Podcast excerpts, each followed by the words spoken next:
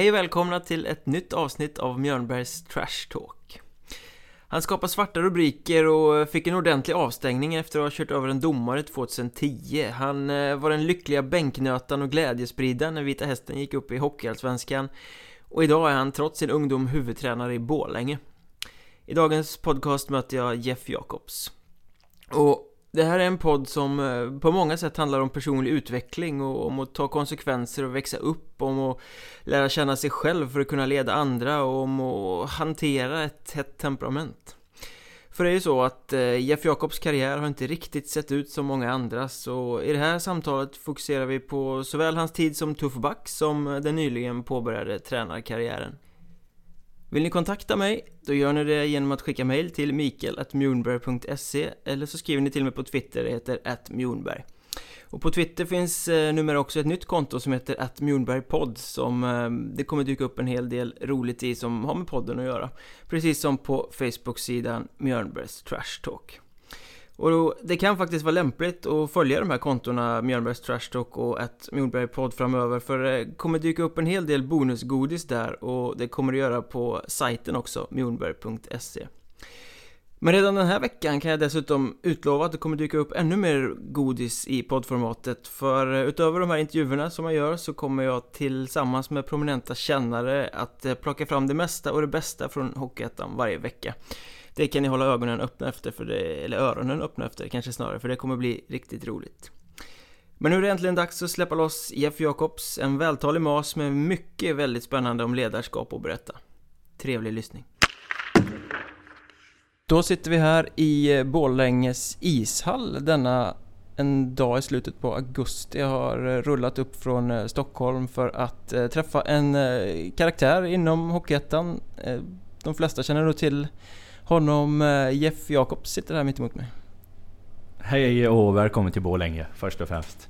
Ja, det här blir kul. Ja, det ska bli kul. Det var väldigt eh, pittoreskt att åka hit. När jag väl hade tagit mig igenom Stockholmstrafiken så eh, det känns verkligen att man kommer till Dalarna när man rullar vägen hit via Hedemora och Säter och allt vad det nu är man kör förbi. Ja, det är fint. Är det hemma liksom? För dig? Är det liksom det här som verkligen... Det är ja. det här hjärtat dunkar? Ja, är Dalarna hemma. Jag är från Säter från början men jag har bott i, i Borlänge sedan jag var 16 och då flyttade jag hit. Eh, men Borlänge, Säter, det känns som hemma. Vad är det som är speciellt med den här platsen på jorden så att säga? Ja, det är svårt att säga men det blir väl lite så när man växer upp här. Man, man känner allt folk runt omkring och uh, man, blir, man blir där man är på något sätt. Och I Säter så där är jag ju pappas grabb och, och så vidare. Va? Så det, ja, vilket eh, efternamnet kanske indikerar också. Vi pratade lite innan eh, mikrofonerna kom på här om att det är ett, eh, ett dalanamn, Jakobs. Ja, det är nog gårdsnamn från början skulle jag tro. Det är eh, lite som, du har lite fler hockeyspelare. Vi har Pers i vårt lag, Knut i Leksand och det är lite så gamla gårdsnamn. Hur ofta blir du misstagen för att vara transatlant? Alltså man tänker Jeff Jacobs. Ja, det har hänt några gånger. Någon som har pratat engelska med mig och så vidare. När du har kommit in i omklädningsrum eller? Som... Eh, nej, det är någon reporter någon gång som gjorde det för många år sedan. Så jag försökte spinna vidare på det och svara på engelska men jag började nog skratta efter ett tag. Engelska på dalmål också? Ja, är det någon som ringde upp eller var det i Nej, det var, det var live så jag skojar lite med Men eh, det är ett rätt miss, enkelt missförstånd att göra. Jag har hört det flera gånger själv. Ja, visst är det så. Eftersom Jakobs kan ju göras amerikanskt och sen Jeff också då. Men Jeff är ju, det är ju svenskt. Det kommer från, det kan vi också dra en anekdot då. Döpt efter gammal enduro-världsmästare Jeff Nilsson. Enduro är då den här motorcykelsporten ja. när man kör ut i gyttjepölar ja, och grejer? precis. Mamma kommer från en, en eh, crossfamilj och så vidare. Så det är därifrån Jeff kommer. Så det hade kunnat bli eh, motorcyklar istället för hockeyklubbor och is för din del då? Ja, det hade det kanske. Men nu vart det tvärtom. Så jag är ingen motorintresserad alls egentligen. Nej, speedway är fan den värsta sporten som finns. Ja, du åkte ju förbi Masarnas hemmaarena nu Gjorde det? Ja, jag såg en travbana här ute men eh, det är ju lite samma sak känner ja. jag. Men... Ja, men innan du kom till Avesta så åkte du nog förbi det. Det gjorde jag säkert. Ja. Jag har en sån här radar jag stänger av när jag kommer nära en, en speedway. Det är många som gillar hockey som gillar speedway också. Det verkar hänga ihop på något sätt. Ja, jag tror jag är inte så, så insatt. Men jag vet att det är ganska stort nere i Avesta. Men hade du hockeyn med dig från familjen på något sätt? Ja, pappa är ju hockey det var det i grunden. Pappa har ju varit och spelade fram till han var 21. Sen vart ju han tränare. Sen han vart ju tränare tidigare än mig då. Varit ledare i, i Säter i alla år då och haft lite pojklag, ungdomslag, juniorlag, varit med lite på A-lag. Haft TV-pucken i Dalarna någon vända och sådär. Så det ligger lite i familjen att bli tränare på, på unga år? Ja, men det är nog bara jag som, som har den ådran av oss bröder. Men ni spelar hockey allihopa? Ja. Det var liksom inget att välja på? Ingen som började köra enduro? Om man Nej. säger det. Nej, det är hockey, hockeyfamilj. Vi ska komma in på din eh, tränarbana som är ganska färsk och ny om en eh, stund. Men vi, vi, vi håller oss lite vid eh, spelarkarriären som ju inte blev så lång men ganska kort. Några säsonger. Ja. Eh, vad som är ganska påtagligt ändå är att du tycks ha blivit lite publikfavorit vart du än spelar. Eh, ja, så har det nog blivit. Började väl med... Borlänge är det inte så mycket publik. Det var mindre då än vad det är nu också. Så. Eh, men jag kom ju upp tidigt där. Eh, 06-07 kom jag upp. Då var jag 16 år. Eh, när jag kom upp. Eh, och i Borlänge så... Sen var det ju liksom... Publikfavorit blir man kanske inte här för det är inte liksom det trycket kring. Det har blivit bättre nu men då var det inte riktigt så. Men sen redan i Mjölby så började det bli lite så. Och, eh, har väl varit en lite sån spelare också som bjuder på mig själv lite. Ja, Mjölby var din första utflykt så att säga. Ja. Från Dalarna i, i hockeykarriären. Ja precis. Eh, Jag var på väg någon vända innan där. eh, Som jag kom upp ganska tidigt i Borlänge så var det en del superelitklubbar och sånt där som ringde och ville värva mig då för jag var fortfarande B-junior när jag spelade division 1 då, men eh, stannade jag kvar och spelade seniorhockey. Du, hur nära var det att du hamnade i någon större superelitklubb? Nej, Nej men det var ganska nära. Jag hade några att välja på. Och, eh, med facit i hand kan man vrida och vända på om det var rätt eller inte. Men det var ett val jag gjorde och stanna inom seniorhockeyn. Hur resonerade du när du gjorde det valet? Eh, jag tänkte nog som så att det är seniorhockeyn jag ska till sen. Och det, det borde kanske vara effektivt, effektivast att vara kvar där hela tiden och lära sig den vägen. Då. Men känner du att eh, du hade en spelstil redan då som var mer ämnad för eh, seniorhockey än juniorhockey? Ja, lite så kan det vara absolut. För eh, du var ju... Ja, du var inte världens snabbaste men du var en väldigt eh, defensivt inriktad back. Eh, I alla fall när du var ute på utflykt i Vita Hästen etc. senare i karriären. Men var det en roll som du hittade tidigt i karriären? Ja, det var det väl. Och det där har jag tänkt lite på också. Att jag tror att det hämmade mig lite. Eh, Nu har man ju börjat reflektera här lite, eller man blir lite äldre och klokare. Så jag tror att jag, jag hittar nog min roll i, i, i spelet. Men jag vågar inte riktigt tänka utanför boxen. Och jag behöll mig inom mitt eh, kontrollområde, som man säger. Jag vågar mig inte riktigt ut och, och det tror jag hämmade mig så, i utvecklingen. Hur såg eh, det kontrollområdet ut då? Vad, inom vilka ramar satte du dig? Nej men jag alltså, spela enkelt med pucken, vara i egen zon. Eh, hitta eh, enkla pass direkt och inte, inte sväva ut på så mycket offensiva utflykter. Inte ta så mycket egna initiativ med pucken. För det var egentligen en sån spelare jag var fram till jag kom upp i A-laget. Men sen kom jag in i A-laget, hittade en defensiv roll som gjorde att jag fick spela tidigt. Eh, Jag hittade ett spel som, ja, som räckte till det och som jag klarade mig på. Som jag gjorde stabilt men det blev inte så mycket mer. Du skulle inte ha pucken helt enkelt. Är ungefär så.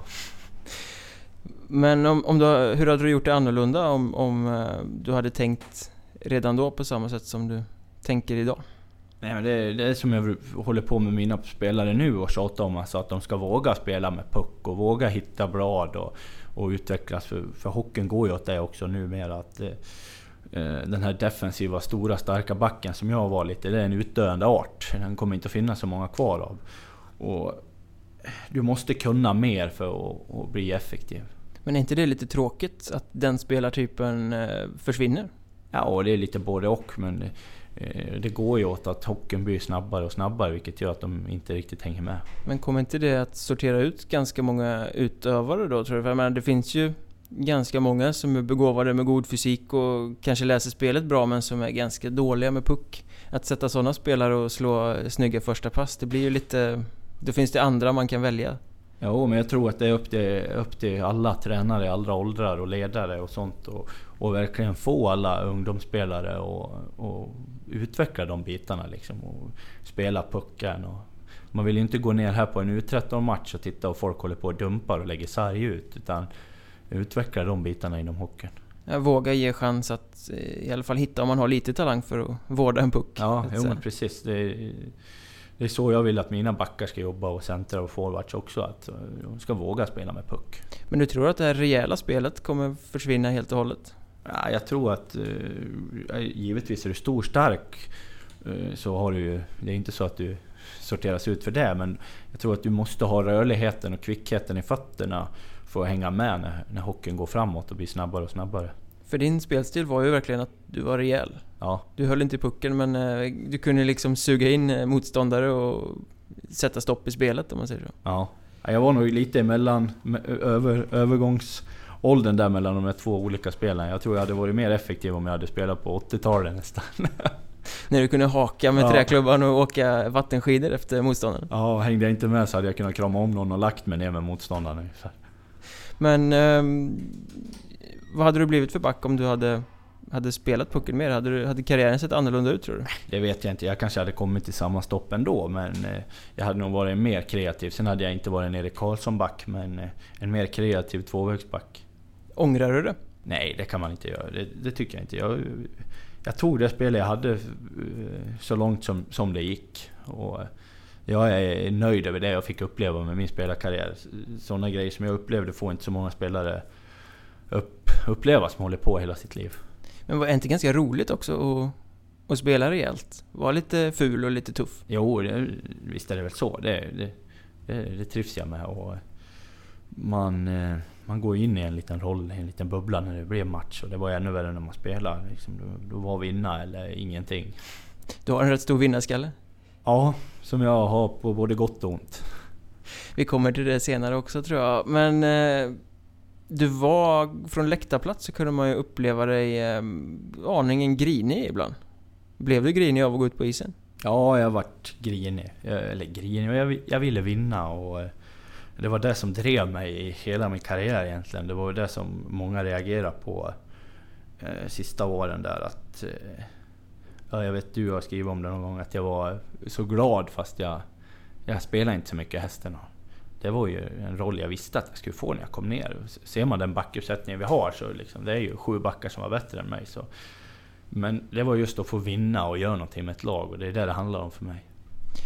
Och för att vinna så kan man kliva över vilka gränser som helst eller så? Ja, inte vilka. Man ska hålla sig inom eh, de mänskliga ramarna och sen, sen på isen så är det vissa gränser du kan kliva över, absolut. Hur ser de gränserna ut?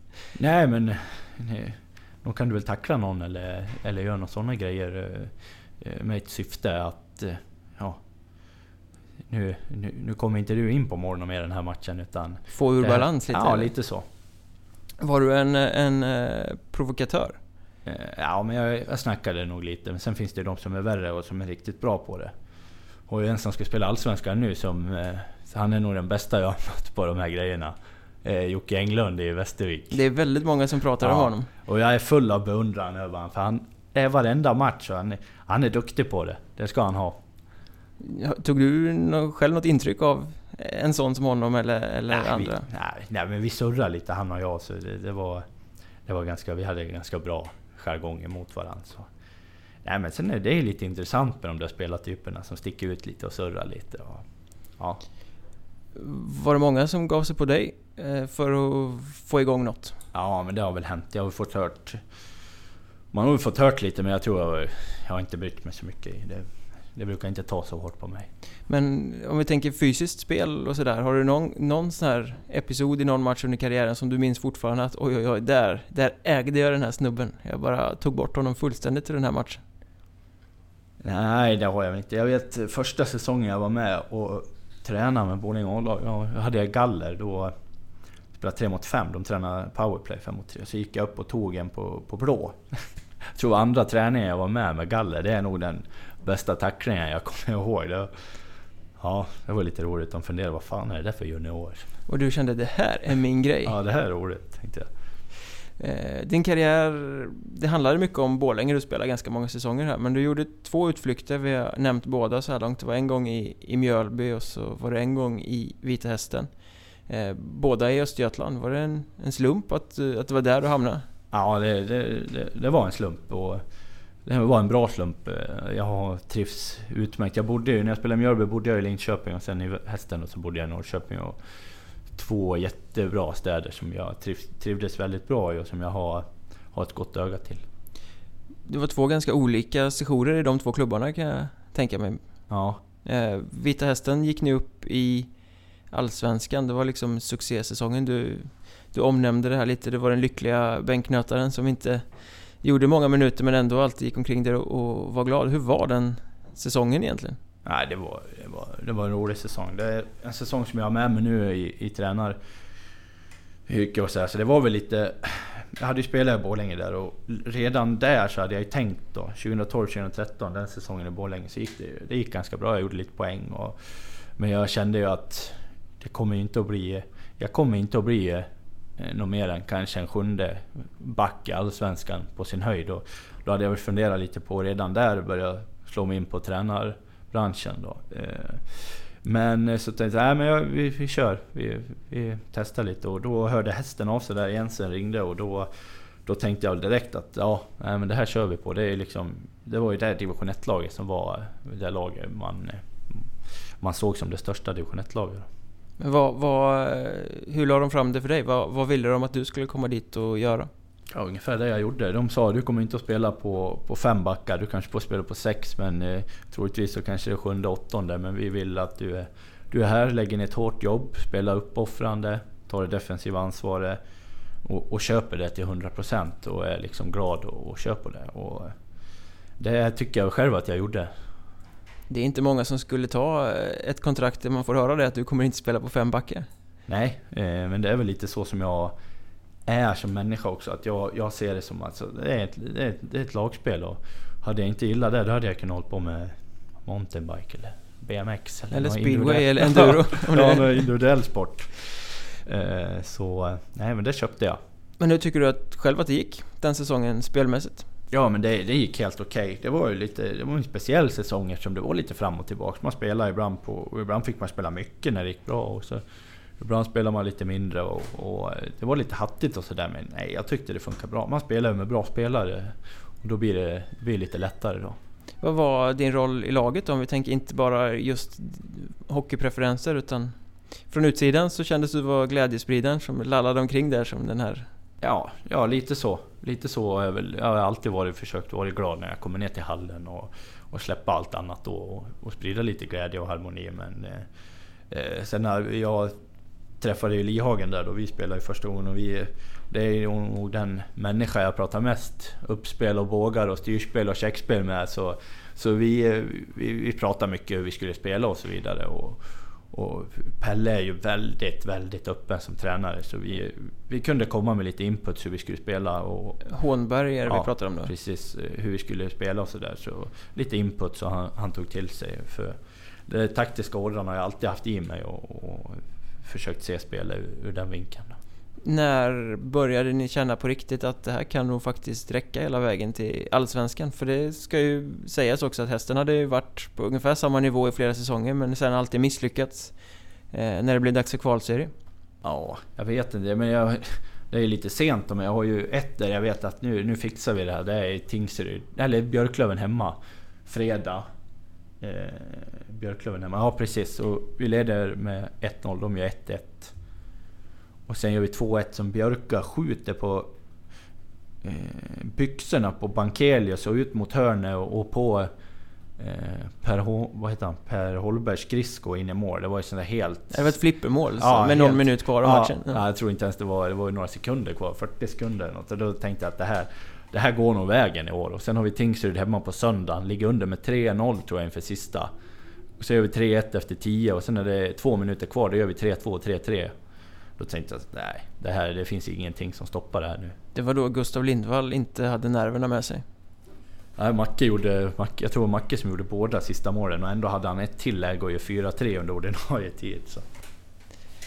Och då liksom, då kändes det att nej, det, det här är... Allt studsar vår väg, det här kan inte misslyckas. Nej, lite det är meant to be.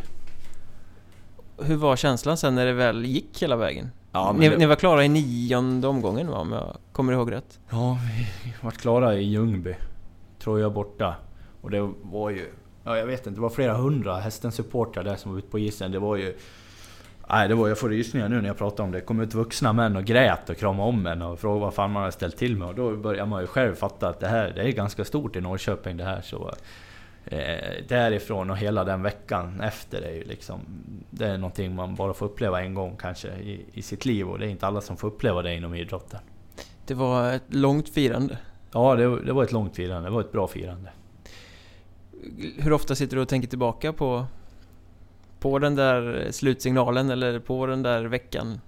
Ja, men nu var det, nu, det händer ju ibland att man tänker tillbaka och det, det är någon som frågar om någonting och man, man, ser, Eh, man ser någon säga någonting. Och, eh, men i början var det lite mer. Men nu faktiskt i somras var jag nere till Otto Jacks eh, som spelar med hästen. Och då satt jag och drack en kopp te på kvällen där och tittade på, eh, på lite klipp från den säsongen faktiskt. Så det, ja, det var lite roligt ni var ganska många karaktärer ändå i det där laget. Alltså, spelvinkar och rent medialt ganska kul personer, inte bara poängmakare. Nej, visst är det så. Vi hade, Otto ju, det är ju också en, en, en figur, en väldigt bra grabb. Och sen har du ju tokiga Torsten som, eh, som du har gjort en podd med. Som, eh, ja, han är, han är riktigt fin. Sen har du ju de här hästnamnen, Macke och Sama och Näsa som också är profiler. Så fick vi in Lihagen då som med sin rutin och ledaregenskaper. Är det det bästa laget du har spelat i? Ja, utan tvekan. Även om du räknar med juniorkullar och såna här saker? Ja, som... ja utan tvekan. Hur står sig det laget kontra det Borlänge-lag som du coachat i kvalserien i vintras? Nej, men det, det, det var mer en grupp förra året som vi, vi fick ihop eh, som köpte spel, spelidén och, och vart en enhet. I Vita Hästen var det mer att vi hade så pass många bra spelare som, som skötte det. Där kunde man känna ibland eh, att det här löser sig i sista, om vi låg under. Jag tror en gång det inte gjorde det, var Grästorp borta. Då stannade vi bussen på Skäll på vägen hem och hade ett litet möte i bussen. Och det är enda, enda gången på den säsongen man kände att det här löser sig inte. Annars så, så, så visste man att ja men Mackan har ju några poäng i sig, eller Lihagen har några poäng i sig. Så det var mer ett lag med riktigt bra individer. Vad sades på det där Mac-mötet? Nej, det var nog att vi ville upp med attityden. Var ni lite lama där liksom? Ja, vi var lama. Grästorp borta, jag tror det var stryk med 3-2 efter straffar eller någonting. Men det måste ju vara svårt i ett sånt lag i en grundserie, för ni var ju på pappret det absolut bästa laget. Det var ett lag som skulle till Allsvenskan och så ska ni åka till Grästorp och ni ska åka till Arboga och sån här. Det är på pappret, det ska inte gå att förlora. Är det inte svårt att, att spela eller tända till i den typen av matcher? Jo, för mig var det inga problem, jag som hade spelat i den där serien. Jag visste ju, för mig var det väl inga konstigheter. Men de här andra kan, var det nog lite så. Men de, de var så pass bra så att de oftast klarade det ändå. Du var glad för de minuterna du fick? Ja, liksom, men som... lite så. Jag hade ju spelat i den där ligan förut. Så. Men sen var det som vi pratade här om innan med, med Jensen kom ner och satte ett statement ganska tidigt att ni får inte glömma att ni är division 1-spelare. Att ni är, ni är i division 1 av en anledning. Och, och Håll fötterna på jorden. Ja, men lite så. Det, det var ganska... Eller det var bra av, av Jensen att ta det statementet ganska tidigt. Du, du funderar aldrig på att liksom eh, avsluta karriären där och då på eh, isen, firandet mot Piteå hemma efter sista matchen och liksom verkligen eh, sluta på topp? Jo, det, det slog mig och vi, vi pratade... Vi hade lite snack i, i hästen också om att vara kvar inom organisationen och Eh, ta något juniorlag och bli tränare. Då, för, för jag hade ju haft tankarna eh, väldigt länge att bli tränare. Då, så vi hade lite snack men sen eh, pratade jag lite med Horndal här i, i Borlänge också, eh, sportchefen. Och vi har väl sagt att, eh, ja, att jag skulle hem till Borlänge. Och sen var det väl kanske att jag skulle göra tränare när jag kom hem. Men vi, vi kom överens om att jag skulle göra ett år först. Och eh, så fick det bli? Ja, så fick det bli. Och, nu vart ju det lite halvdant det året också men eh, eh, det var ändå kul på något sätt att få avsluta i, i Borlänge Hockeytröjan. Hur bra koll har du på eh, de här Östgötalagen som du har varit i? Vithästen är ju allsvenska nu och Mjölby är nere i division 2 och, och kvalade väl mot ettan utan att lyckas säsongsmycket. Hur, hur bra kontakt har du med dem? Hur mycket koll har du på hur det går? Nej, men jag, hästen har man ju bättre koll på. Det, det är ju lite senare man var där och samt att det skrivs lite mer och hörs lite mer. Och, jag har några jag pratar med ganska regelbundet i, i Vita Hästen. Eh, eh, jag pratar med, med Marcus Gunnarsson ganska ofta och Morgan Hassel en del. Och, Jimmy Ramsten som är lagledare och surrar lite ibland. Så där har jag väl hyfsat koll på vad som händer och sker. Och Mjölby så har jag Andreas Westerman som jag spelar med där, han spelar ju kvar än. Ja, han har väl varit där i alla evigheter? Ja, han har varit där sen vi, vi kom dit samtidigt, han och jag, sen har han varit kvar där. Var inte han rätt bra? Det var en sån man trodde skulle kunna spela i alla fall i topplaget Ja, sen har han satsat på lite eh, utbildningar och sådär. Så, så vi pratar eh, någon gång per år och sådär, så jag har lite koll eh, på Mjölby. Skulle du säga att du håller på Vita Hästen i Allsvenskan? Eh, Nej, det säger jag, det säger jag inte. Jag håller inte på något lag. Jag har aldrig gjort egentligen i, i mitt liv. Utan jag, jag citerar min, min gode vän Morgan Hassel att när jag går på hockey vill jag se bra prestationer. Och det är någonstans väldigt bra sagt. Så det är lite det jag vill se när jag går på hockey. Bra prestationer. Och, och det kan vara allt från i spelet med puck till spelet utan puck eller till något lagspel. Eh, att de löser några situationer riktigt bra. Så något favoritlag har jag inte. För det där kan ju bli ganska konstigt. Det är många spelare som har favoritlag eh, när de spelar kanske ettan eller allsvenskan och sen helt plötsligt så hoppar de upp en division och så ska de spela mot sitt ja. favoritlag. Det måste vara en, liksom, lite dilemma. Ja. jag höll lite på Färjestad när jag var liten, fram till jag var 12-13 kanske. Pelle Pressberg spelade där och gjorde mycket mål. Är man inte tvungen att hålla på Leksand eller Mora om man bor i, i Borlänge? Eh, Jo, men jag kanske ville sticka ut från mängden då. Ja, du var en provokatör redan då. men sen har jag, jag har ett gott öga både till Mora och Leksand. Det är inga, inga så. Jag, jag, vill, jag vill de klubbarna väl och de ligger mig varmt om hjärtat, både Mora och Leksand. De är väl viktiga för Borlänges utveckling hockeymässigt också kan jag tänka mig. Ja. Alltså som, som hockey, Dalarna som distrikt. Ja, ja, men så är det. Och sen har jag, jag har ganska bra samarbete med, med både Mora och, och Leksand. Jag, känner lite folk och pratar med, med tränare både i Mora och Leksand. Men eh, du gick tillbaka till Borlänge där efter Vita Hästen och eh, skulle göra en hel ettan säsong men så blev det ju inte. Det var, det var, väl redan ja, en bit in i grundserien som karriären tog tvärstopp? Ja, i Forshaga ishall i oktober. Ja, det är inte alla som får sluta där. Nej. Eh, åkte jag på då en femte hjärnskakning då. Eh, som, ja, jag vart inte riktigt bra förrän i, i, mitten på december där någon gång och då... Var det en ful smäll där i oktober? Nej, det, det var ingen jätteful smäll. Det var en sån smäll som hände. Det, det var lite otur och sådär. Så det, ingen skugga ska falla över, över den som tacklar utan... Det var en vanlig tackling och ja, du... det vart lite fel bara för mig. Sånt som händer? Ja. Tidigare hjärnskakningar, har det varit ful smäll? Ja men någon sådär lite halvful och, och sen är, har jag ju satt mig i lite dumma situationer. Det, det måste jag... Eller det ska jag erkänna. Det, en del har jag... Förtjänat? Nej, det så kan man inte säga, men liksom Nej. orsakat på egen hand kan man ja, säga. Ja, precis. Eh, vad innebär det att sätta sig i en dålig situation? Är det huvudet i sargen eller? Ja, eller spela ifrån sig pucken och inte riktigt vara med direkt efter och, och förstå att du, nu kommer du få en smäll. Eller vara med även när du spelar ifrån dig pucken och inte slappna av. Och, Sen eh, hade väl jag en sån spelstil att jag slängde mig in i alla dueller och, och brydde mig inte så mycket om.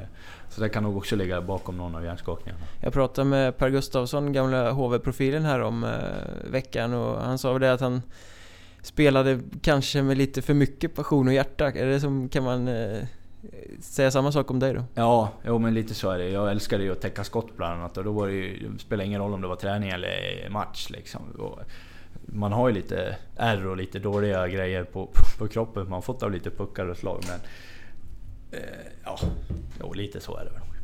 Men i alla fall, du fick din femte hjärnskakning och det blev liksom inte bra. Vad var det som, som hände då? När kände du att det här är inte, det här är inte bra? Nej men jag kände ju... Jag hade ju haft den innan, var ju en i hästen då. Jag var borta någon vecka.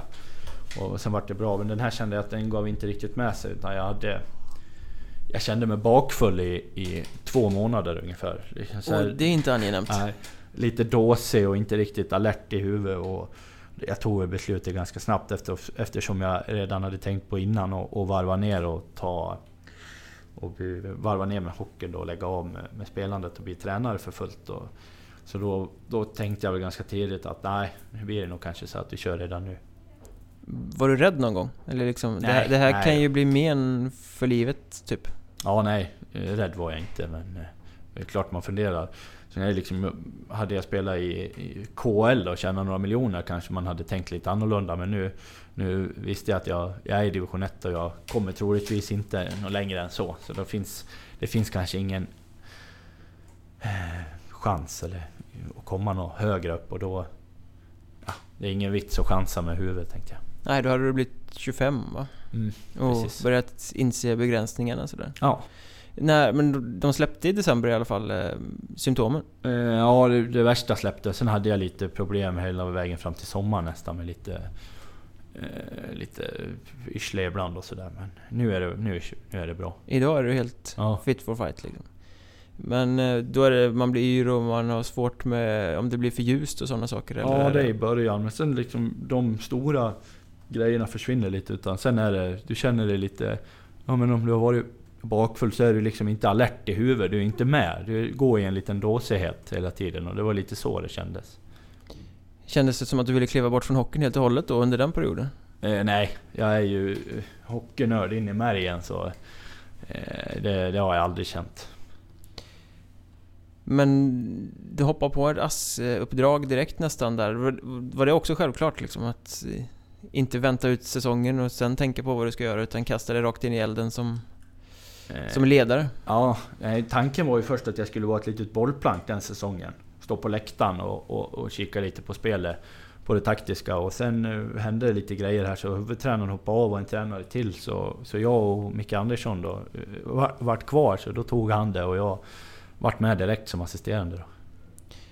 Vad tänker du annars om eh, hela den här hjärnskakningsdebatten som pågår? Det, jag menar, det har ju eskalerat. Det är väldigt, väldigt många spelare nu för tiden som får lägga av på grund av hjärnskakningar och det är egentligen något av det som det snackas mest om under en säsong. Det snackas nästan mer om fula tacklingar, omedvetna tacklingar, hjärnskakningar än, än att göra de snygga mål och, och passningar och sånt där. Liksom, vad, vad känner du som ändå har fått sluta på grund av hjärnskakningar? Om hela den cirkusen?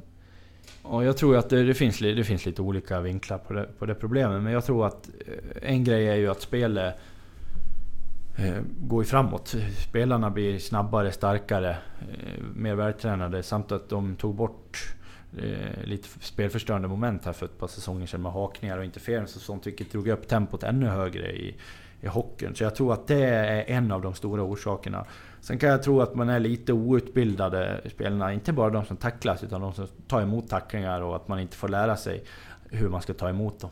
När ska man lära sig det? Är det redan från pojklag? Eller Ja, när, ja, det tycker jag. Eh, För det här med att spelarna är råare och brutalare nu, det köper jag inte. Jag tror att det var ännu värre förr med, med råheten och brutaliteten. Du tänker eh, yxhugg med, med träklubbor och Ja, hela den typen? ja. Men ehm, den här typen av rejäla spelare, den som du var kanske, var de duktigare tacklare och duktigare tacklingsmottagare än de här spelande spelarna som du säger att hockeyn går mer och mer mot? Ja, så kan det nog vara. Men även jag i den generationen jag kom fram då, 80-90 där, har nog inte heller lärt oss riktigt bra hur, hur vi tacklas och hur man tar emot tacklingar. Jag tror att de var bättre på det lite längre bak i tiden. Det kanske är därför som det är er generation då som åker på alla de här Ja. hjärnskakningarna och tvingas sluta i, i förtid. Ja, men det tror jag. Kan Kommer- vara en av ors- orsakerna i alla fall. Kommer man få stopp på det? För att det är ju... På något sätt så riskerar man ju många unga killars och tjejers hälsa här i... Ja, men jag hoppas man får stopp på det. Jag vet, jag vet inte hur... Det har ju varit eh, lite snack i NFL om det och jag vet inte hur de har löst det där. Om du har någon koll på, på den. För jag vet att eh, de gjorde någonting med hjälmarna där och lite grejer. Eh, NFL är ju ja. amerikanska Ja, eh, fotbollsligan precis. borta i, i staterna Ja. då. Jag tittar ju, jag är ju lite intresserad av amerikansk fotboll så jag följer med där lite och vet att de hade ju samma problem där och gjorde om hjälmarna lite och... Med någon sorts dämpning eller ja, så. precis. Men kom det inte något förslag på hockeyhjälm som också skulle vara en hjärnskakningshjälm på något Jo, sätt? jo, jag tror det. Eh, Men sen, sen är det jag har ju lite idéer kring det här. Jag tänker ganska mycket hockey och funderar. Så jag har ju även det här med eh, När, när- när jag var liten, jag var väl bland de sista ålderskullarna som spelade mycket landhockey och bandy på rasterna och sådär. Och det har ju också försvunnit på skolor nu. Vilket också gör att du, du får lite sämre spelförståelse och vilket också kan ha att göra med att du, du vet inte riktigt när smällarna kommer och så vidare. Förr i tiden, ja, men då spelade de landhockey varenda kväll och... Sprang och flyttade målen när det kom bilar och Ja, sånt? det var mer spontanspel då och smålagsspel och sådana grejer. Vilket jag tror att du, du lär dig mer att vara, vara uppe med huvudet och ha koll på händelserna runt omkring. Så det är dubbelt ansvar på något sätt? Folk måste tackla bättre, folk måste vara mer uppmärksamma och ta emot bättre. Ja, det tror jag. Jag tror inte det finns en lösning på det problemet. Vad säger du till dina spelare? Eh, jag- upp med huvudet och ibland så får jag mana dem att, eh, eh, man möter vissa lag att idag, upp med huvudet, jag vill inte ha några skador idag. Du vet vilka som spelar lite opolerat så Ja, att säga. ja, det finns ju sådana spelare. Men jag menar, du, du har den här eh, historiken och har varit utsatt. Lyssnar de eh, mer på dig liksom? I och med att du fick sluta på det sättet och i och med att du vet hur, hur illa det kan gå om man säger så. Ja, det vet jag inte. Det, det må så vara. Men eh, jag är väldigt noga med att har de ont i huvudet efter en smäll så spelar de ingen mer den matchen. Och då kan det vara våran bästa spelare. Det spelar ingen roll. Har du problem med huvudet, har du ont i huvudet efter en smäll, då vilar du. Du chansar inte liksom? Nej, Nej. det finns ingen anledning. Nej, det är ändå ettan vi pratar om. Så. Ja, men det spelar ingen roll om det är KL eller Stanley Cup-final. Att människan måste hela tiden gå före. Tror, du att, tror du att du skulle med, med en vinst, en- Stanley Cup-buckla på, på spel, skulle resonera likadant? Du är ju ändå en vinnarskalle säger du. Ja, det vet jag inte om jag kommer att göra eftersom jag inte har ställts i den situationen. Men jag hoppas att jag även i ett sånt läge skulle se människan. För, för det är ändå människor vi jobbar med. Och man måste se till, till helheten. Ska ha ett liv. Ja, verkligen. Det finns ett liv efter hockeyn, så att Ja. säga. Eller under hockeyn också finns det ett liv. Det får man inte heller glömma. Vid sidan av, så att Ja.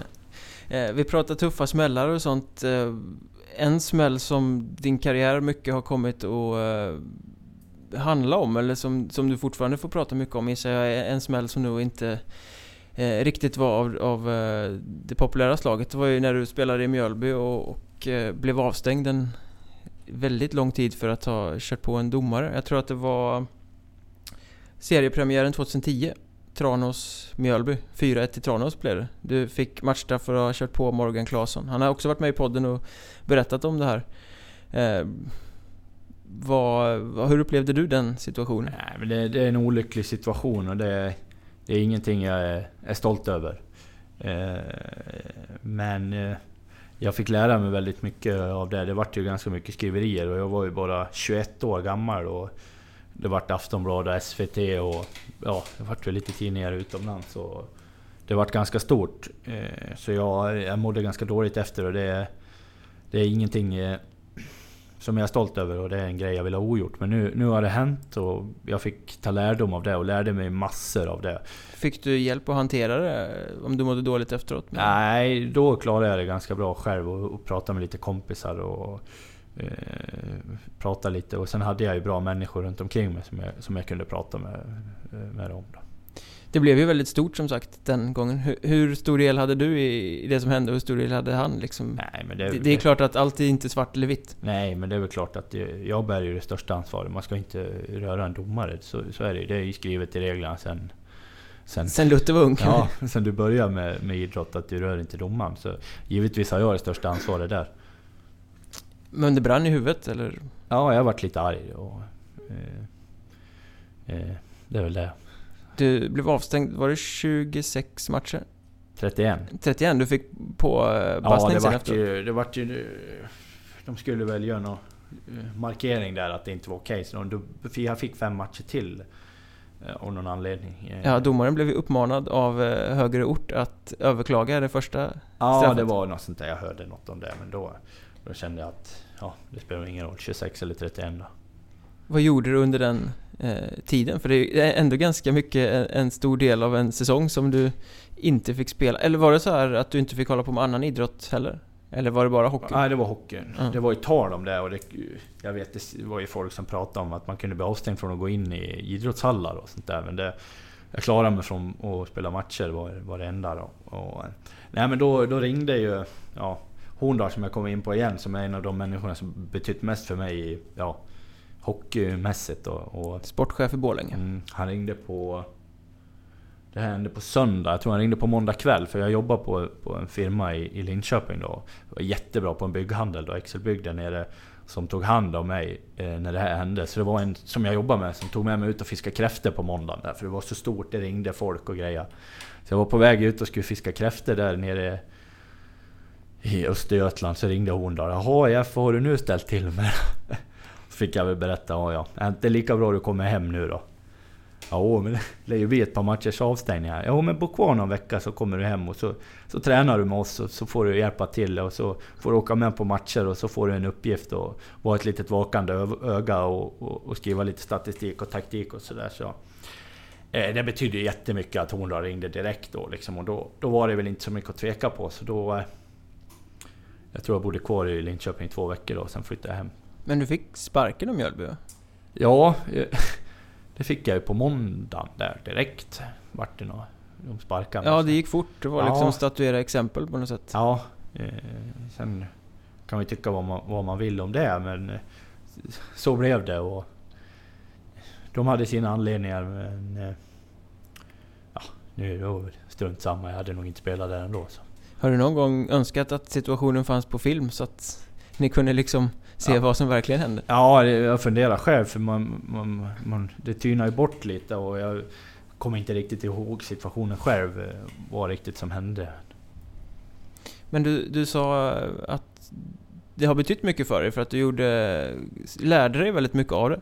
Eh, vad, vad, kan du konkretisera det? Vad, vad lärde du dig av den här ja, dels så- skandalen eller vad man ska Ja, kalla det? Dels så lärde man sig lite hur, hur hockeyn funkar och media och grejer. Och jag hade väl något litet eh, uttalande som de vinklade lite där också, vilket lärde mig att ja, man ska inte säga exakt så Vad man tänker. Nej, för jag sa eh, någonting och det vinklade som om att jag tyckte att det var som en vanlig knäskada, att jag inte stod så hårt på det, vilket inte stämde alls. Jag tog ju det där jättehårt då.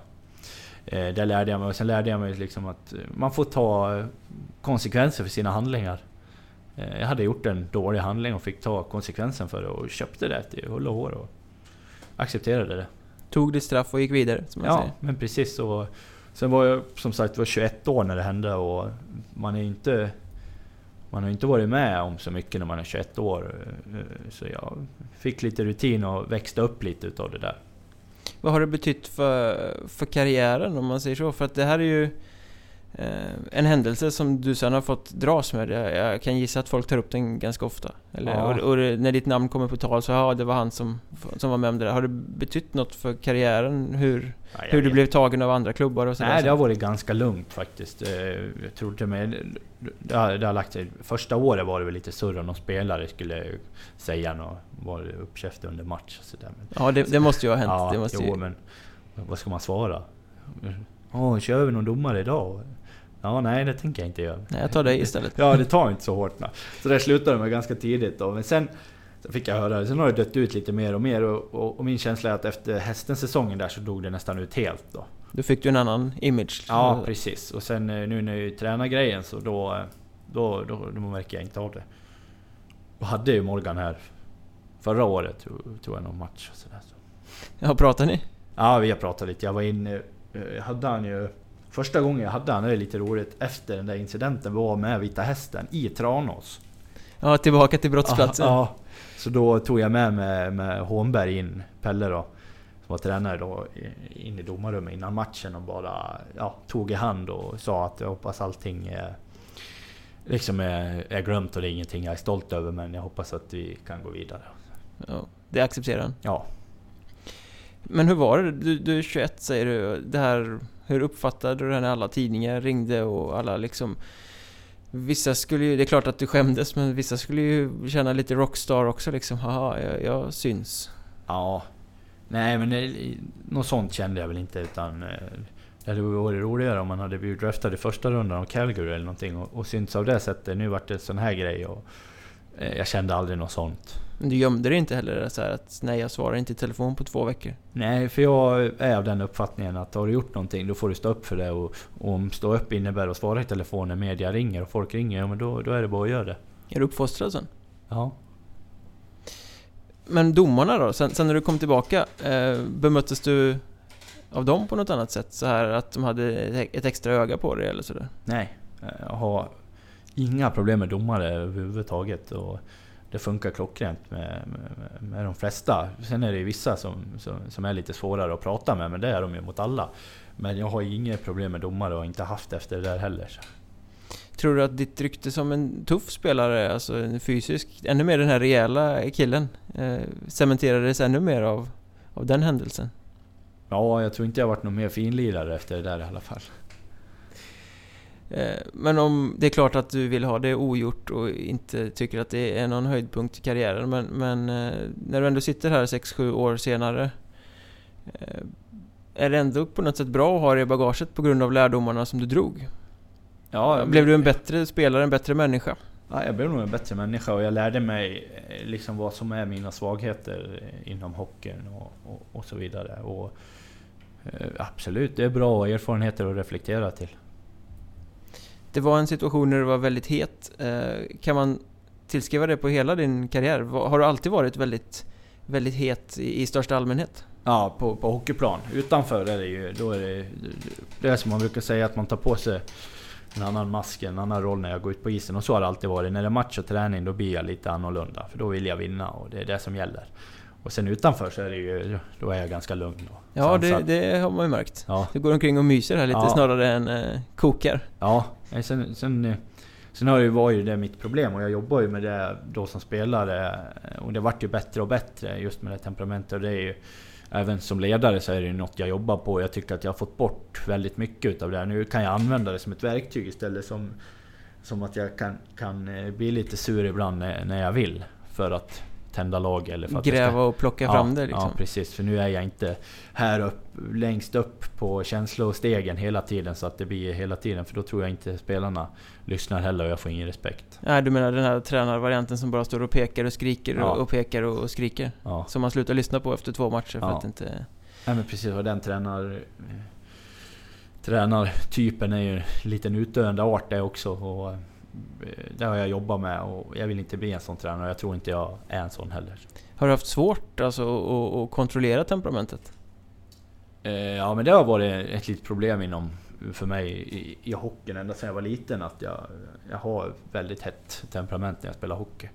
Och det är som vi var inne på här innan eh, med vinnarskallen att man har den på både gott och ont. Att man, eh, ibland vill man vinna för mycket så att man blir f- f- för, för mycket känslomässigt Men vad händer i huvudet då, då när det liksom... Ja, jag vet inte. Det är att vinna djävulen tar över. Liksom, nu ska det vinnas här. Men när har, det, när har den kommit fram då? Alltså, när? Är det för att du blivit arg för att du har fått en smäll? Eller är det Nej, för att du tycker att någon har liksom... Så har det aldrig varit. Någon smäll, om jag har fått en smäll, det, det accepterar jag. Och sen, det, men mycket grundar sig nog eh, alltså lite i besvikelse på mitt eget spel. Då kunde jag bli arg på mig själv.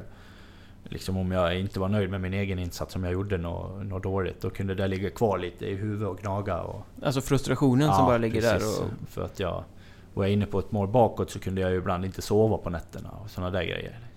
och Då blir du trött och seg och så var du sämre nästa match. Ja, ja.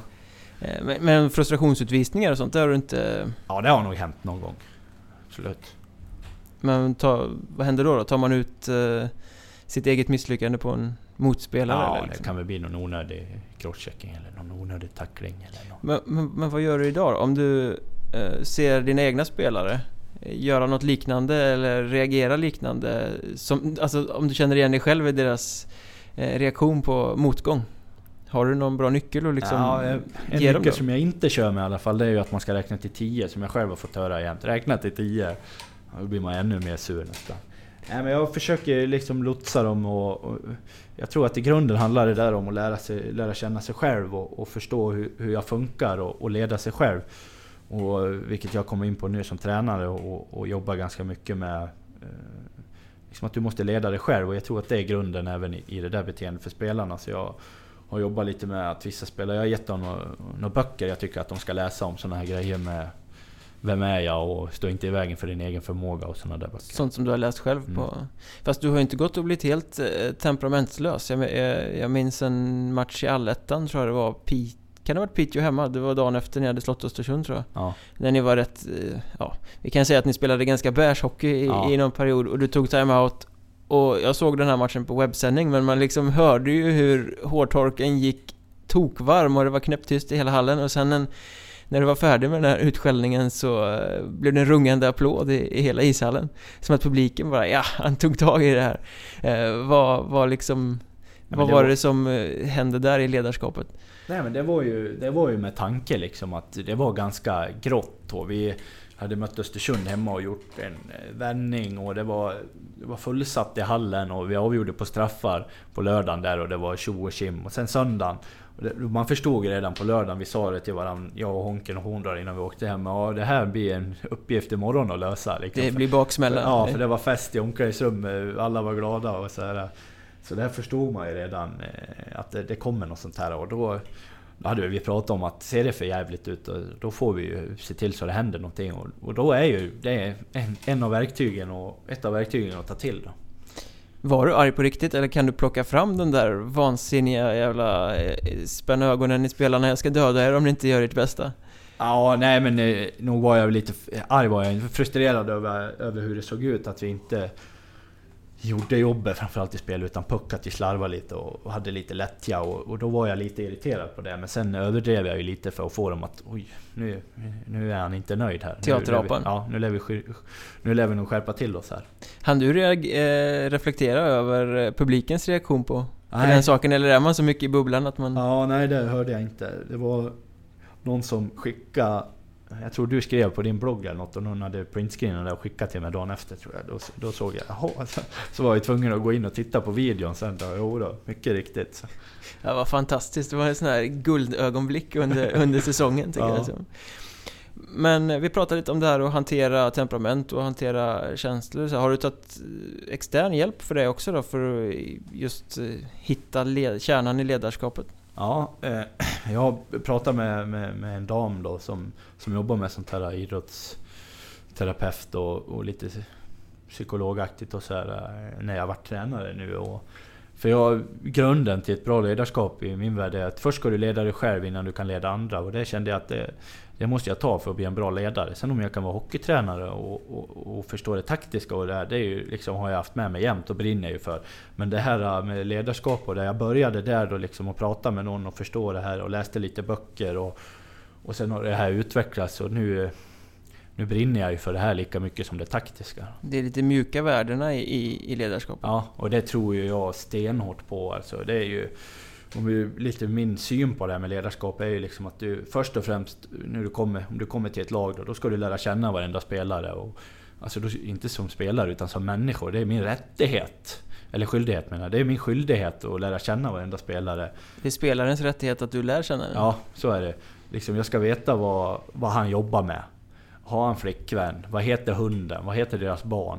Och så vidare. Jag måste bygga den eh, relationen med varje spelare för att kunna ställa krav på dem sen att de, och få dem att köpa mitt spel. Var det någonting du lärde dig av att gå och prata med den här kvinnan, psykologen, vad hon nu var? Eller, ja. eller vad, vad, är de stora lärdomarna som du Nej, tog där, med dig där? Eh, därifrån är det nog lite det här med självreflektion och gå till dig själv och hitta det här lugnet och det här med reflektion är ju lite intressant. Jag börjar ju när jag var tränare så har jag en svart dagbok kan man nästan säga det. Jag skriver reflektioner varje dag inom både tränaryrke och livet. Liksom vad, vad har hänt idag? Eh, vad kan jag göra annorlunda till nästa gång? Eh, vad var bra? Vad var dåligt? Och så vidare. Och så går man tillbaka och läser det här ibland. Då. Och, och just det här att börja coacha sig själv på något sätt. Då. Du, du granskar dig själv med kritiska ögon ja, på något sätt? Ja, kan man ser mig själv från, från ett tredje perspektiv. Kan inte det vara... Jag kan tänka mig att när man, när man börjar med det första gången, när man tar tag i det, det kan vara lite... Det är lite okänd mark, det kan nästan vara lite obehagligt att börja reflektera över sig själv. Ja, visst är det så. Eh, det är spännande. Och sen har jag lika jag gjort någon gång, jag kopplar eh, mikrofonen på telefonen eh, till ja, till telefonen då, så har jag mikrofonen på under träningen. Ja. så har jag mikrofonen på under träningen eh, och spelar in mig själv hur jag låter på, på en träning då för att se liksom vad säger jag och hur uttalar jag mig och, och så vidare. Också för att kunna ja, utveckla mig själv och, eh, som tränare. Har du upptäckt saker som du inte hade en aning om? Ja, jag har upptäckt att jag svär väldigt mycket. Så det försöker jag jobba på. Bör det vara dåligt för ett ledarskap eller? Nej, det är väl, det är väl både och. Men eh, om du ser det rent, eh, rent mänskligt så är det väl inte så snyggt att gå runt och svära hela tiden. Det är bättre att ha ett mer välartikulerat språk. Tror du att du hade varit en annan typ av spelare om du hade gjort samma sak? Samma självrannsakan och självreflektion även under spelarkarriären? Ja, det, det tror jag absolut. Eh, det är ganska mycket som skiljer spela IF från träna IF, vilket jag försökt... Det en del tror ju liksom att ja, nu är IF tränare, då kommer det att se ut ungefär som när han spelar. Då vill han ha 20 sådana spelare. Och egentligen så är det ingenting som kunde vara mer fel i spelsättet. Nej, det är svårt att bygga ett lag på 20 rejäla backar som inte ska ha pucken. ja, nej, men precis. Jag vill ju ha ett spelande lag och liksom den biten. Går det fortfarande att prata med någon?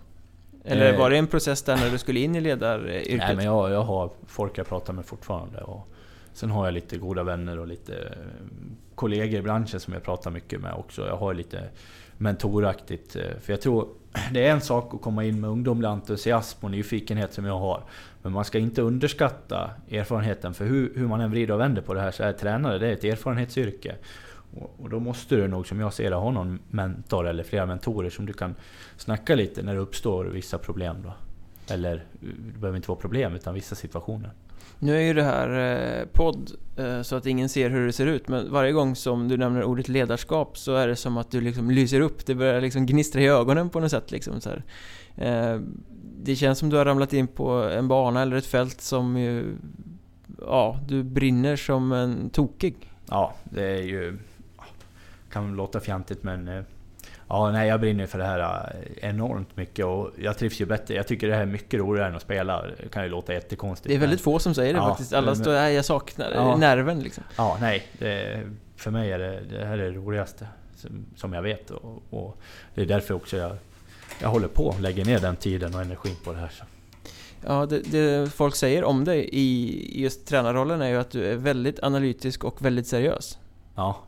Eh, kör jag någonting då gör jag det till 110% för annars kan jag lika gärna eh, gå på bygge och, och jobba 7-4 och åka och titta på lite hockey för att det är roligt men eh, jag funkar inte så.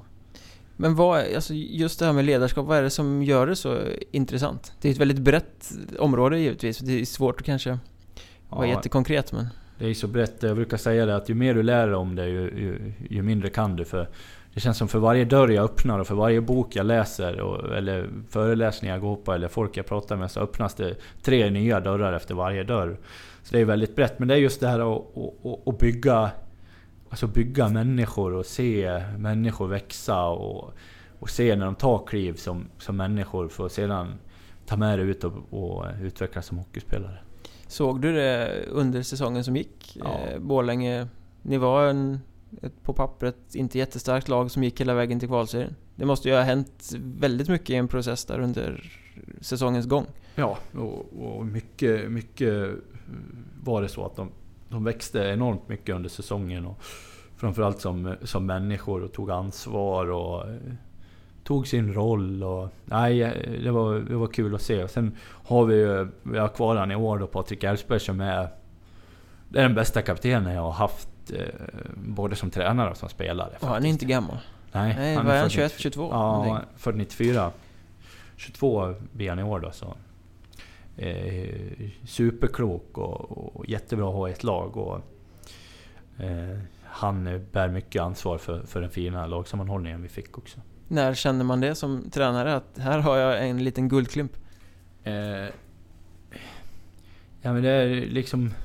Du ser det på träningar och att alla lyssnar på honom. Och sen behöver inte han stå och skrika och gorma jämt och det gör han inte. Utan när han talar då lyssnar alla. Och det var väl så de sa om Mark Messier också, en av världens bästa kaptener genom tiden. Han sa inte så mycket men när han väl sa då lyssnade hela världen. Patrik Elfsberg är Mark Messier alltså. Ja, eh, han har vissa likheter. Men eh, det var en succéresa med betoning på lag liksom. Vad... Var, var exakt ramlade alla bitar på plats? För ni börjar ju inte så himla bra ändå. Köping borta. Jag och Honken, som jag jobbade med i fjol då, Holmqvist, vi var hem till han här i somras. Vi är ju, är ju ganska tajta och har bra relation eh, i Surranen med varandra flera gånger i veckan. Då. Så vi hade en sittning, vi grillade lite och badade lite i jacuzzi där hemma hos han eh, i somras. Och då Ja, satt vi man, just man blir så lyxig av att vara ettan-tränare alltså. Nej men han är ju i, han är ju i Brynäs nu. Ja, just det. Förskott. Ja. förskott. Eh, så då pratade vi om det här, när kände vi liksom att det vände? Och det var Köping, Köping borta. När vi hade, vi torskade tror jag två i rad. Och så hade vi Köping borta och lite trevande matcher där. Och det var någon puck från blå som de lobbade och studsade på Kockman och in. Men vi lyckas vända och vinna. Och sen efter det så rullade det på sen. Det var liksom där punkten var. Trodde ni att det skulle räcka hela vägen till en kvalserie? Eh, nej, det, det, det trodde vi inte. Vi trodde att vi skulle gå till playoff. Det, men att det skulle rulla på så i allettan, det, det var inget vi hade väntat oss. Hur var det sen i kvalserien då? Där tog det ju stopp liksom. Men eh, vad, vad var begränsningen som gjorde att det inte gick längre där? och dels så var det ju liksom, vi, vi tittade på laget förra året så hade jag tror jag hade 21 matcher i Allsvenskan sammanlagt på hela truppen. Och Vi hade, jag tror inte vi hade någon elitseriematch. Oh, Kockman har ju någon på... Vi hade tre elitseriematcher kanske. Ja, han fick en puck i huvudet när han stod i båset ja, där. precis. Sara Larsson-incidenten. Ja. Så dels det att vi hade ju väldigt lite med rutin från spel på, på lite högre nivå. Samt att vi hade ett litet individuellt mindre skickligare lag. Och för att det skulle funka så, så skulle det där... Vi, vi var tvungna att spela på 100% varje kväll. Och, och det gjorde vi några kvällar och då Västervik hemma Troja hemma, då, då vände de där och så har vi Västervik borta. Och någon mer där vi, där vi är bra och är nära. Vi har ju Sundsvall borta också där vi har uddamålsförluster. Så vi har ju ändå, jag tror vi har fyra uddamålsförluster i kvalserien.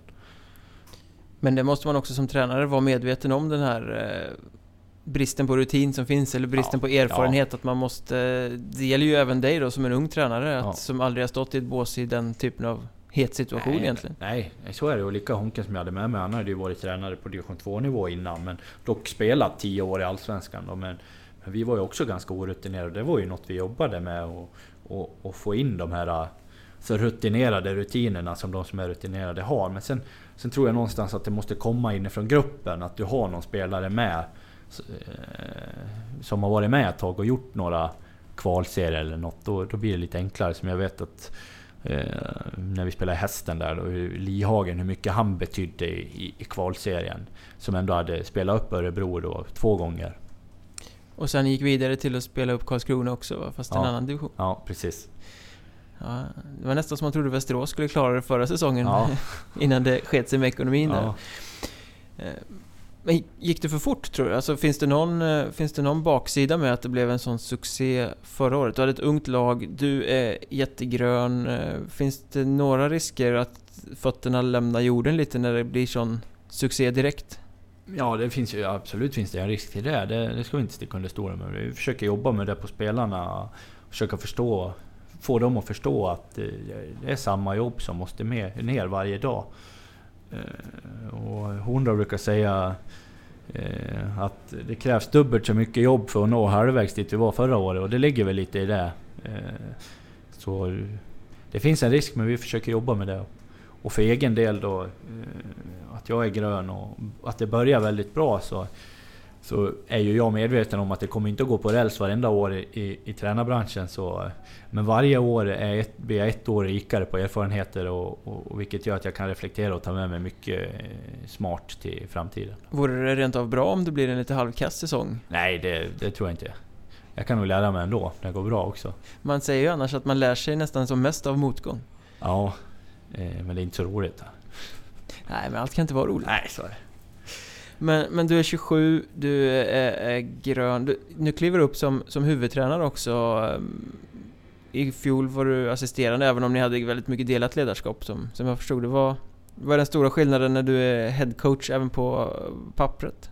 Ja, eh, nej men det är, om vi börjar med förra året så jag och, och Honken hade väldigt delat eh, från start. Och, eh, det var inte så mycket den gör det och den gör det, utan vi delar på det mesta. Och, men sen är det ju liksom det som är med huvudtränaren, han tar ju de slutgiltiga besluten. Är det någonting vi, vi är lite oense om, då är det han som bestämmer. Och det är väl så det är i år, att det är jag som bestämmer i slutändan och det är, det är jag som bär ansvaret för, för, eh, för spelet och så vidare. Är det roligt med det? Alltså det måste ju vara jätteroligt med den, det utökade ansvaret och veta att jag har den sista, det sista ordet. Ja, jag tycker det är roligt. Eh, hur som, men eh, det är lite kul att, att testa på det här så tidigt i tränarkarriären. Tidigt i tränarkarriären. Eh, vad känner du då är det som du behöver utveckla mest? Om vi säger så. Du har fått en hel säsong under bältet. Ja. Eh. Men det, är, det är lite av de här grejerna vi har varit inne på redan med, med temperamentet och, och med mig själv. Och, och, och, det jobbar jag ju på varje dag och försöka få ner det så att jag är på en, på en lugnare nivå. Framförallt under matcher då, för du tar inte så kloka beslut när du är frustrerad, arg eller grinig eller så vidare. Utan eh, var en ganska jämn känslonivå för att ta så kloka beslut som möjligt. Samtidigt som jag inte ska tappa att jag verkligen brinner för att vinna. Utan den balansgången där är väl det största. Och sen är det ju det här med tränare, det som jag var inne på nyss här med hur brett det är. Och det är ju det som är det intressanta. Att eh, Ja men det, det, man kan vara så nyfiken och lära sig och lyssna på folk och läsa böcker och prata med folk och lyssna på podcasts och ta in nya intryck. För, för jag, jag vet ju, jag har ju min ledarskapsfilosofi men den är ju liksom, det är en öppen bok som hela tiden fylls på och suddas ut och så vidare. Så det, det, jag blir ju aldrig fullärd i det här. Och, eh, så det är det som är, hela tiden ta in nya intryck från allt. Blir man yr någon gång? Alltså att det är så mycket, så var, var ja, står jag egentligen? Ja, jag har tänkt på det någon gång när man, eh, jag läser lite och sådär. För jag har börjat läst, ja, de senaste åren, jag har aldrig läst så här mycket. Så, men jag, även där har jag en bok, så när jag läser så är det något så här, ja det här är ju bra, då skriver jag ner. Så jag har ju skrivit ut två, två tre stora böcker med egna funderingar och lite grejer då. Så det kan jag känna ibland att nej, nu lär jag, lär jag ta det lite lugnt här. Hela lägenheten kommer bli ett stort uppslagsverk till slut. Ja, nu bor jag i hus så jag har en hel källare och grejer i det. Ja, okej, du, har, du har grundat bra i alla fall. Ja. Är det någon specifik tränare som du har haft eller som du har eh, kollat på eller sådär som har gett dig eh, mer inspiration än någon annan? Som du känner att eh, där finns det mycket att hämta genom att titta på hur han gjorde?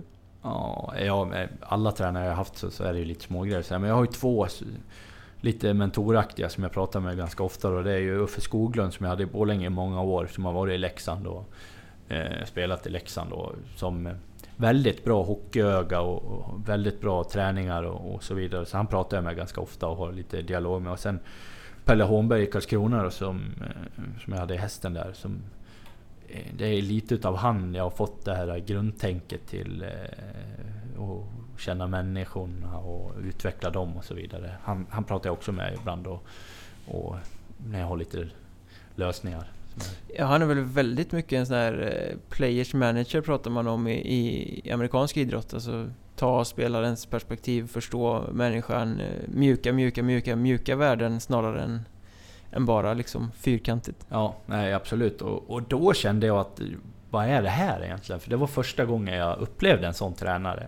Eh, det kändes lite, ja, lite nytt. Man förstod inte riktigt, så man tänkte vad, blir det här egentligen då? Men sen förstår man ju hur, hur det funkar och, och då inser man att det här är ju, det här är ju rätt sätt att behandla människor så här. För hur än är så är det ju människor då att göra med. Jag tror att är, är du snäll så får du mycket tillbaka. Och det, det borde vi lära av i alla sammanhang i, i världen kan jag tycka. Att snällhet får aldrig får aldrig underskattas. Men du, du som faktiskt har suttit i eh, hans omklädningsrum eh, och vet precis, vad rent konkret är det som skiljer honom från, från andra tränare? För det pratas så mycket om att han är så bra med människor, så här, men just i beteendet, just i sättet att vara, vad är det som är så annorlunda som, som gör att han sticker ut? Ja, men det är dels det här att han, han tar sig tid med alla spelare, han har koll på, på, på civilstatus och, och så vidare, vad man gör och, och, och bryr sig verkligen. Och har du någon som bryr dig om vad du gör på fritid, ja men då känner du, då får du lite tillit till honom. Och sen är det i omklädningsrummet så är det mycket... Han kunde hålla såna här brandtal liksom och, och, få igång alla. Det kunde vara någon gammal historia från andra världskriget och lite såna här grejer. Och, lite amerikansk film ja, över det liksom? lite såna grejer som man tänkte, det här, det här har jag bara sett på film. Men det, det funkar ju verkligen. Och. Vad händer i spelartruppen när, när en tränare gör så? Nej men det blir... Adrenalinet stiger lite och vi känner att ja, det här, nu kör vi på det här. Det var någon om Raoul Wallenberg. Nej, vad hette han, han som flög? Lindberg? Ja, ja, det är möjligt. Ja, jag tror det var någon om han där. Så där, jag har faktiskt kört någon själv, någon sån där liten eh, grej. Jag tycker det är lite roligt att ja. bryta av. Det är lite kul för spelarna också att matchgenomgångarna inte är samma. Utan jag brukar hitta Åker lite... den här bågen? Ja, nej men precis. Innan match är det inte så mycket sånt utan då får man uh, försöka få dem att gå ihop och nu kör vi. Så ja. då har jag själv tagit någon, någon historia och sådär. Så. Vad väljer du att citera då? Jag, har, jag är ju lite intresserad av, eh, av historia och sånt där, så jag har tagit några slag och något gammalt slag. Eh, och sen lite, försöker jag koppla in det lite i sociala sammanhang och, som alla kan känna igen sig i och, och sådär. Är det inte svårt med historia med så unga spelare? De är liksom inte... Jo, både historia och geografi är ju strul. Vad pratar han om ja. nu? Vi var ju till Ljungby förra året, ja, sista matchen. Så stannade vi och åt på på det där värdshuset där vid, vid Vättern. Bra i hus där. Ja, längre, ja, strax ja. Eh, norr om Jönköping. Ja. Och vad är det här för sjö då? Så jag åt några spelare. Nej, de hade inte en aning. Vet du. Nej, då, nej, det är ingen idé. Har inte koll på Vättern? Nej, nej, de visste inte vad Vättern var för något. Kan de Dalarnas geografi?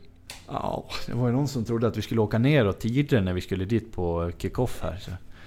Tveksamt. Måste man utbilda spelarna eller får man finna sig i det? Liksom? Eh, ja, lite finna sig i det, men sen utbilda dem ändå. Sen kan jag tycka att utbildningen överlag, även hockeymässigt, har, har kommit lite i, i skymundan. Att det blir lite enkelspårigt. Spelarna som kommer fram nu när vi är inne på utbildning.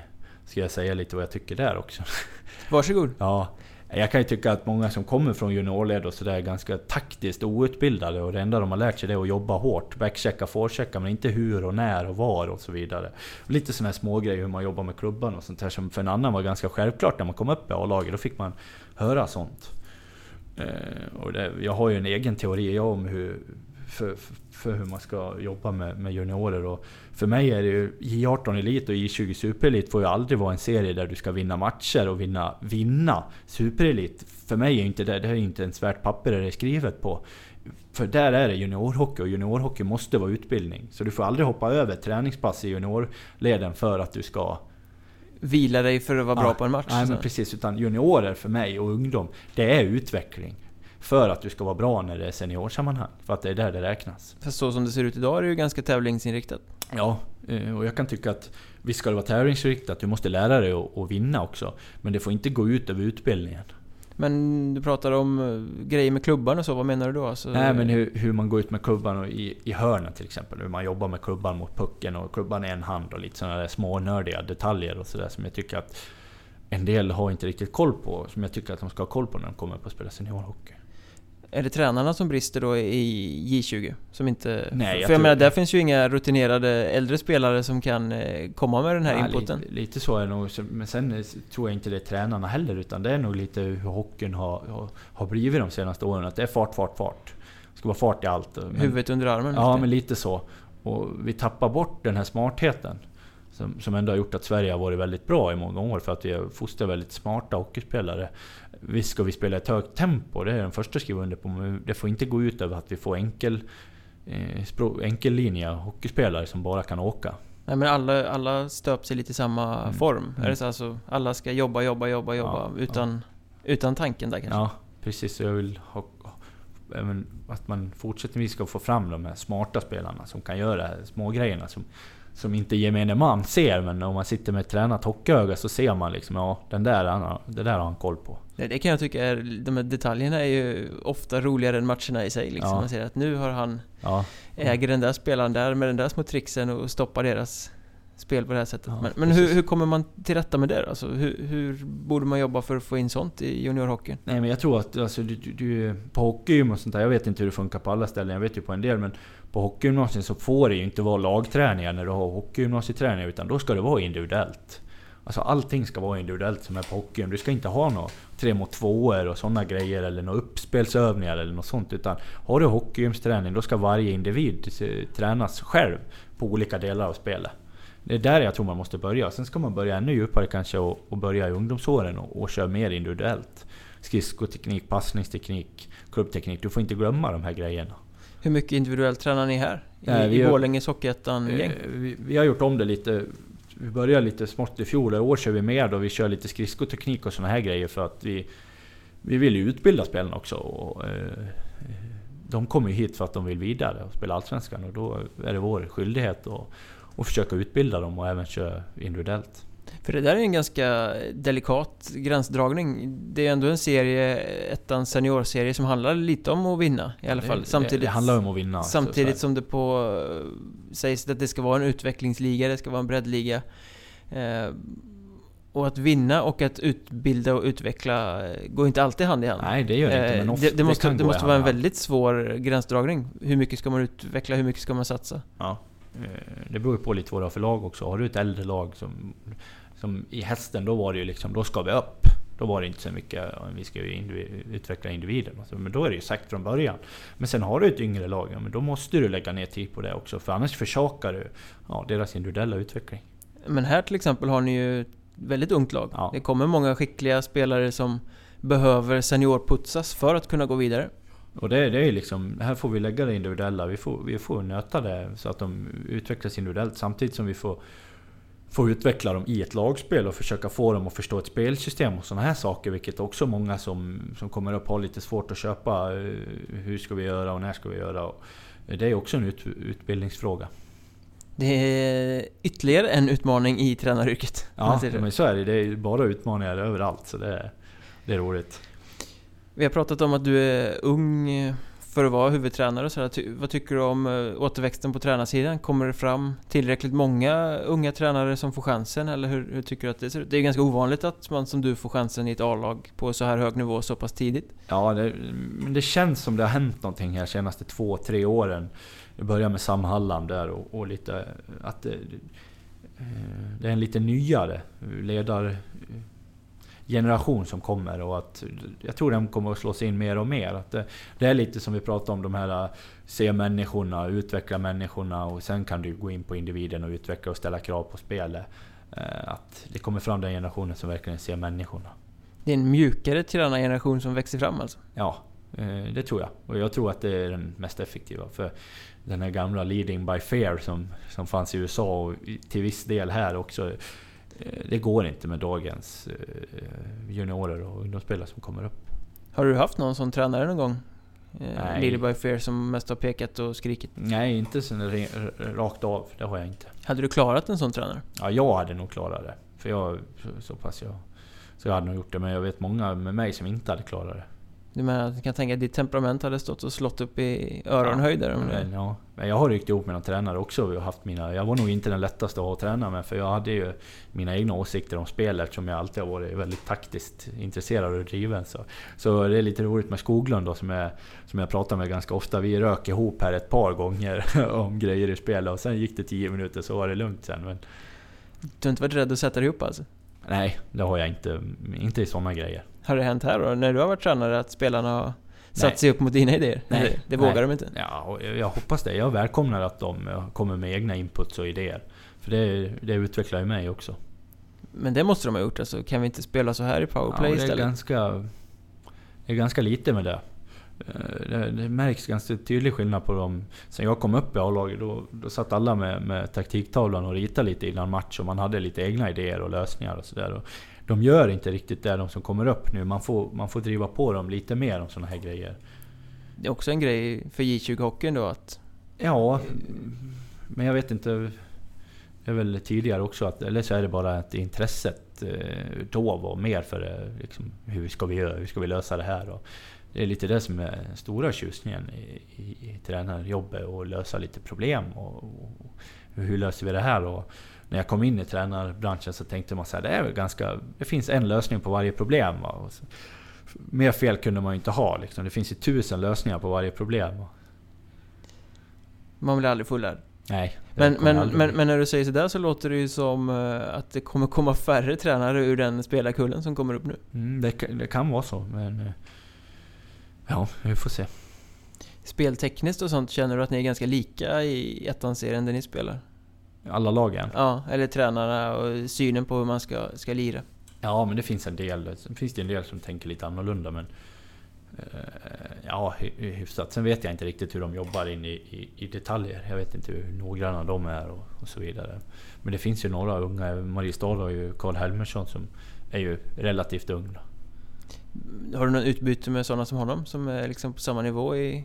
Eh, nej, det har jag inte. Inte med han, nej. Ni vill inte avslöja hemligheter nej, för varandra? Det, det, det, funkar inte riktigt så i tränarbranschen. Det är ett ganska öppet klimat. Man har lite kommunikation med, med många. Och... Ja, hockeydammen är ju ganska liten så att eh, det är svårt att inte ha någon form av gemensamhetspunkt med folk. Nej, så är det. Men ni, ni sitter i Borlänge här, Dalarna, eh, Mora, Leksand. Eh, känns det som att ni verkar lite i skugga av dem, eller hur, hur är det egentligen att bedriva hockey här? Ja, Mora verkar vi inte riktigt i skuggan av, för Mora lever sitt liv lite uppe i norra Dalarna och det, det är ingenting vi påverkas av i det stora tror jag. Men Leksand, givetvis är vi i skuggan av Leksand och har alltid varit. Det, ska jag säga något annat så ljög jag ju. Kommer det alltid att vara förmodligen också? Eh, det får vi se. Men det var ju lite roligt här i vintras när de gick dåligt där ett tag och vi gick bra. Då var det ju oss de talade om och sen kom deras vändning där. Ja, det var en skaplig succé vår för Dalahockeyn får man ja, säga. Ja, absolut. Så, Nej, och det, så är det. det. Det är ingenting man kan göra åt direkt nu. Utan det, det ligger så långt ner i generationerna det där med Leksand. Så det är svårt att ändra på. Ja, men, men du kan se en framtid där Borlänge har kört om Leksand? Eh, jag vet inte. Kanske, kanske inte. Det är svårt att säga om. Du hade inte klagat? Nej, det spelar ingen roll så. Det, eh, det skulle kännas fel också på något sätt att vara över Leksand. För Leksand har alltid varit men... Men... Eh, nej. Kartor ritas om. Ja, så är det. Ständig utveckling. Sen vet man ju aldrig var man själv är någonstans. Så det, Nej, rätt vad det är så står du som huvudtränare i Leksand. Nu ja. kommer du säga något helt annat. Ja, nej man vet aldrig i den här branschen. Men apropå det, du, du kom till att vara en stabil Hockeyettan-back som, som spelare. Var, vad ser du dig själv som tränare om X antal år? Jag gissar ju att Hockeyettan, du hoppas att inte det är destinationen för tränarkarriären? Nej, det hoppas jag inte. Jag vill ju verkligen framåt och, och sen är jag ju medveten om att man ska skynda framåt och, och ta liksom... Det ska vara lite, man ska bygga på sig lite erfarenheter men jag vill framåt i det här och komma så högt som möjligt. Och sen vad det innebär för vägar, det får framtiden utvisa i så fall. Men du ser att det här skulle kunna vara ett yrke som du, som du pysslar med under ganska lång tid? Ja, det, det satsar jag på. Det är det jag siktar på. Då får vi se hur, hur långt det räcker helt enkelt. Ja, det får vi göra. Grymt. Det var kul att du ville vara med. Ja, tack så mycket.